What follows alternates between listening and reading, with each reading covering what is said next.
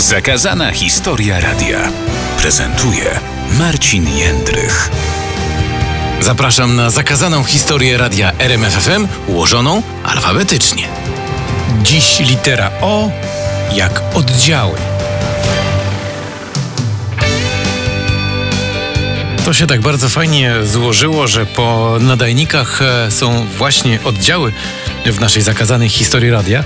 Mm, a to wszystko właśnie jest przecież bardzo powiązane, bo e, dzięki nadajnikom były oddziały. E, dzięki temu, że były oddziały, to nadajniki miały co nadawać. Mm, ale zacznijmy od początku, czyli od 26 maja 1994 roku, kiedy to radio RMFFM otrzymało ogólnopolską koncesję na nadawanie, rozpoczęła się budowa właśnie sieci nadajników e, w całej Polsce. E, o tym zresztą już e, wspominałem, natomiast oprócz nadajników w dużych miastach wojewódzkich powstały również oddziały RMFFM, czyli takie małe radyjka w pigułce. I każda poza krakowską oczywiście siedzibą składała się z części emisyjnej, czyli takie małe, czasami studyjko ze sprzętem umożliwiającym puszczanie dźwięków oraz części redakcyjno-promocyjno-handlowej.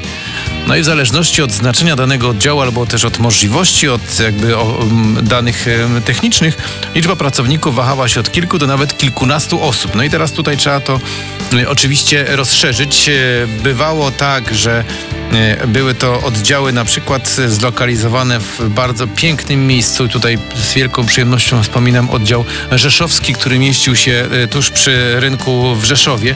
To był wielki oddział. Tam, nie wiem, było ze 150, może nawet więcej metrów kwadratowych. Były oczywiście pomieszczenia dla ludzi pracujących e, w dziale handlowym, potem były pomieszczenia redakcyjne, potem było fajne studio zbudowane właśnie mm, do e, tego, żeby można było po pierwsze stamtąd na, e, nadawać program na antenę, a po drugie czasami też dało się nawet zrobić stamtąd całą audycję. To też techniczne możliwości na to pozwalały.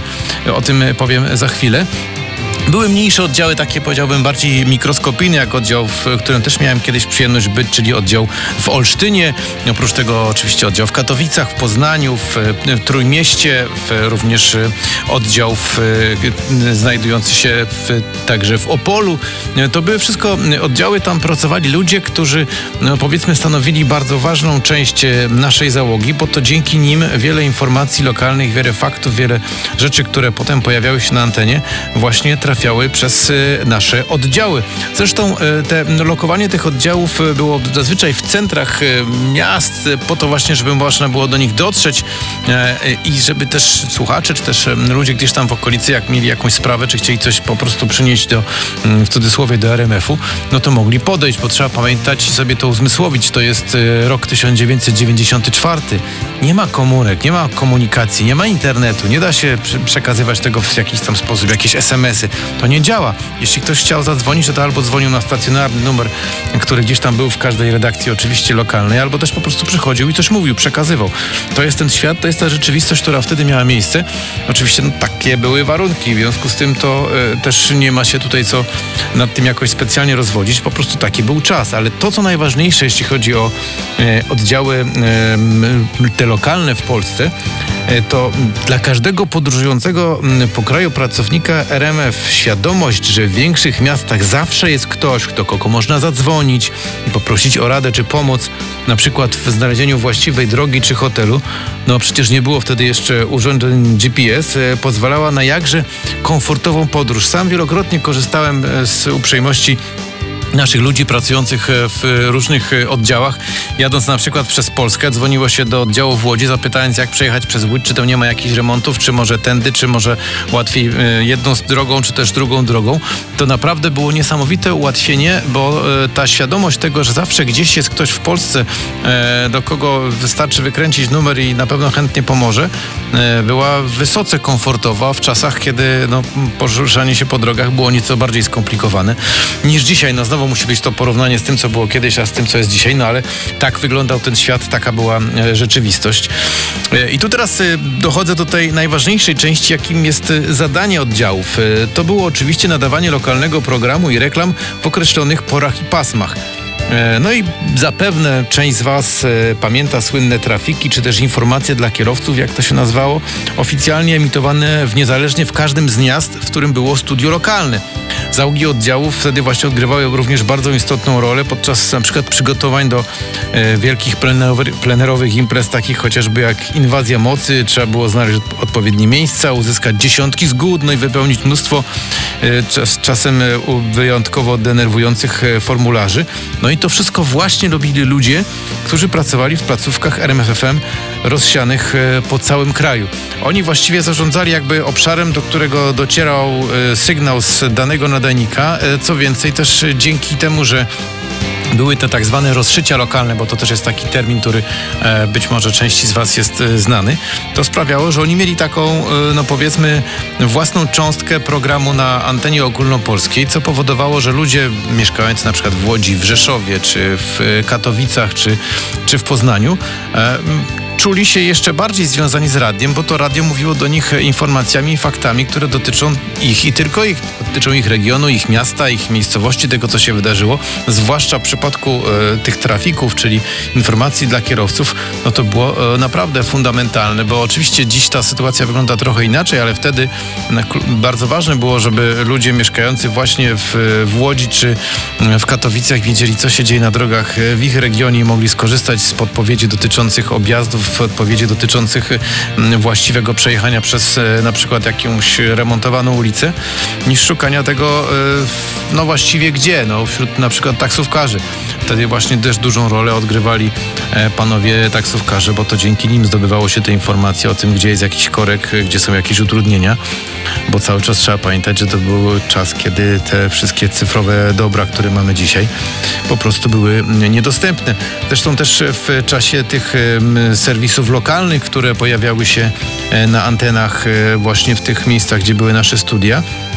To były również informacje takie bardzo czasami istotne, chociaż o zasięgu niewielkim, typu komuś zginął pies, kogoś trzeba było poszukać, komuś trzeba było przekazać jakiś komunikat.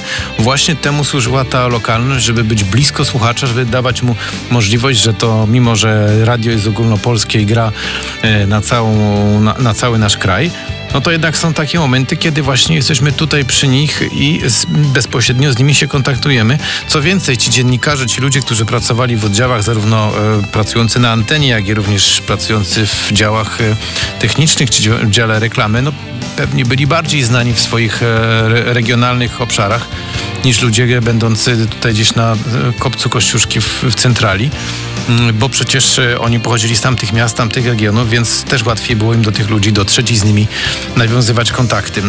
Tutaj jeszcze ważne informacje technologiczne, bo o tym też trzeba przecież tutaj wspomnieć, że ten technologiczny postęp i rozwój poszczególnych oddziałów sprawiał, że te lokalne dziuple, bo czasami tak też się je nazywało, umożliwiały nawet nadawanie programu na ogólnopolską antenę.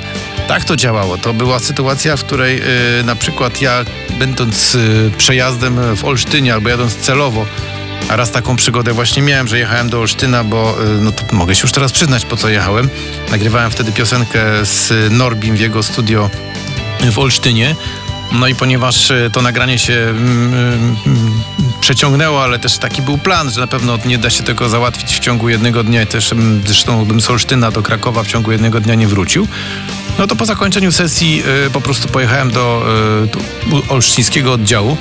On miał chyba siedzibę w jakimś takim miejscu, gdzie y, chyba to studio było na poddaszu, więc też bardzo fajnie się prowadziło stamtąd program. I po prostu od 18 do 20 poprowadziłem program y, Listech Hobbens z, Olsz z Olsztyna.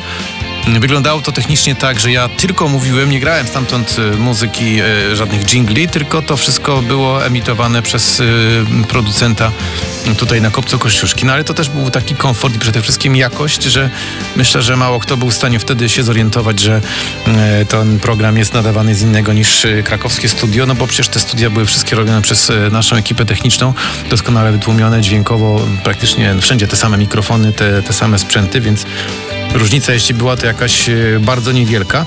E, no, już nie mówię o możliwościach nadawania programu z Warszawy, no bo to ten oddział y, jako taki lokalny funkcjonuje do dzisiaj, bo to też trzeba oczywiście podkreślić.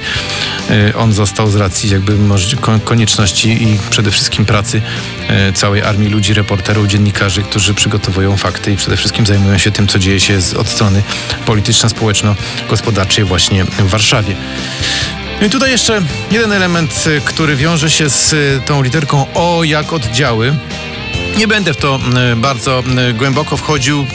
Właściwie trzeba to tak tylko mm, skomentować, że ta krzywdząca decyzja Krajowej Rady Radiofonii i Telewizji z maja 2001 roku, która przyznała nam nową koncesję na kolejne 7 lat, ale bez możliwości emitowania lokalnych pasm spowodowała, no, że oddziały lokalne w większości zostały zlikwidowane a pracujący ludzie niestety zostali zwolnieni. To było, nie wiem, 150-200 osób.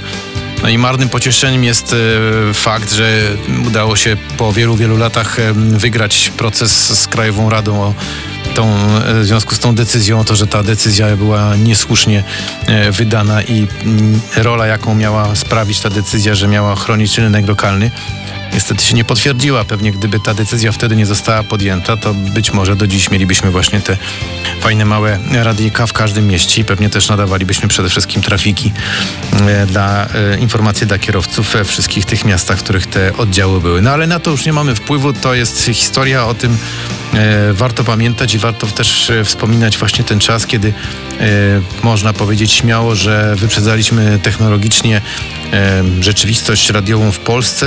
Myślę, że w Europie również, e, bo te połączenia, te, które były między oddziałami, no to była prawdziwa magia. Wystarczyło nacisnąć guzik i praktycznie każdy reporter w, siedzący w dowolnym mieście w całej Polsce natychmiast się odzywał. To nie trzeba było tak, że trzeba było jakieś połączenie zestawiać, trzeba było się łączyć.